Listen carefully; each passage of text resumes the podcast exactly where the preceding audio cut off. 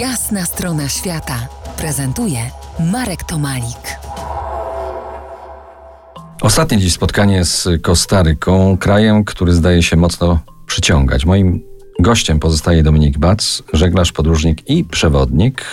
Dominiku, czy Kostaryka przyciąga też e, w czasie pandemii? Jak tam wygląda sytuacja wjazdowa? Jakie są restrykcje tak na dzień dzisiejszy? Rzeczywiście Kostaryka w czasie pandemii poszła troszeczkę drogą e, niestandardową. Nie wymagano od e, turystów nawet testów ani szczepień, dopóki jeszcze świat nie był e, szczepiony. I praktycznie bardzo wiele, wielu turystów właśnie wybrało Kostarykę na, swój, na swoje miejsce. Natomiast na miejscu oni się też bardzo pilnowali. Oni mają świadomość tego, że gdyby sami zachorowali, byłby to dla nich wielki problem. Więc mimo temperatur wysokich, oczywiście tam, gdzie temperatury wysokie są, Kostaryka Kostarykańczycy chodzili w maskach, bardzo tego przestrzegali, bardzo namawiali, czy jakby zwracali uwagę turystom również, żeby to robili, ale kraj funkcjonował zupełnie normalnie. Więc to było troszeczkę takim ratunkiem dla wielu, dla wielu firm turystycznych, dla wielu agencji turystycznych, które mogły organizować tam wyjazdy i zresztą dla nich samych, prawda? Ponieważ Kostaryka, myślę, przetrwała ten trudny czas dzięki temu, że się nie zamknęła. Pyszne owoce, y, wspaniałe soki, świetne jedzenie, świetna temperatura literatura. Był to po prostu taki miejsce do ucieczki w czasie pandemii.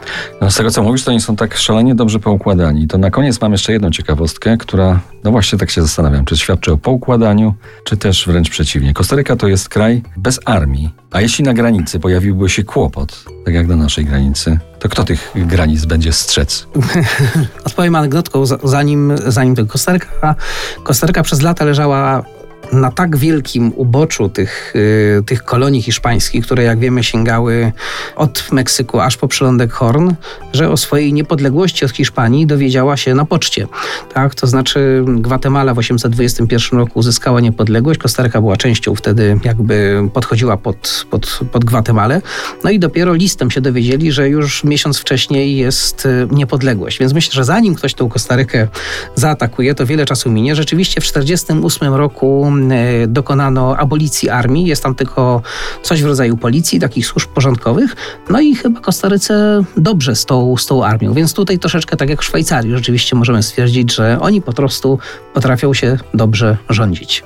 Zaskakujący jest y, koniec, wydaje mi się, tego, y, tej jasnej strony świata, y, bo no, z naszego punktu widzenia, z naszego podwórka trudno sobie wyobrazić kraj bez armii, no ale taka właśnie jest Kostaryka. Przypomnę, że moim i waszym gościem po jasnej stronie świata był Dominik Bac, podróżnik, żeglarz, kapitan jachtowy i przewodnik po Kolumbii, ale też po Kostaryce. Do usłyszenia za tydzień.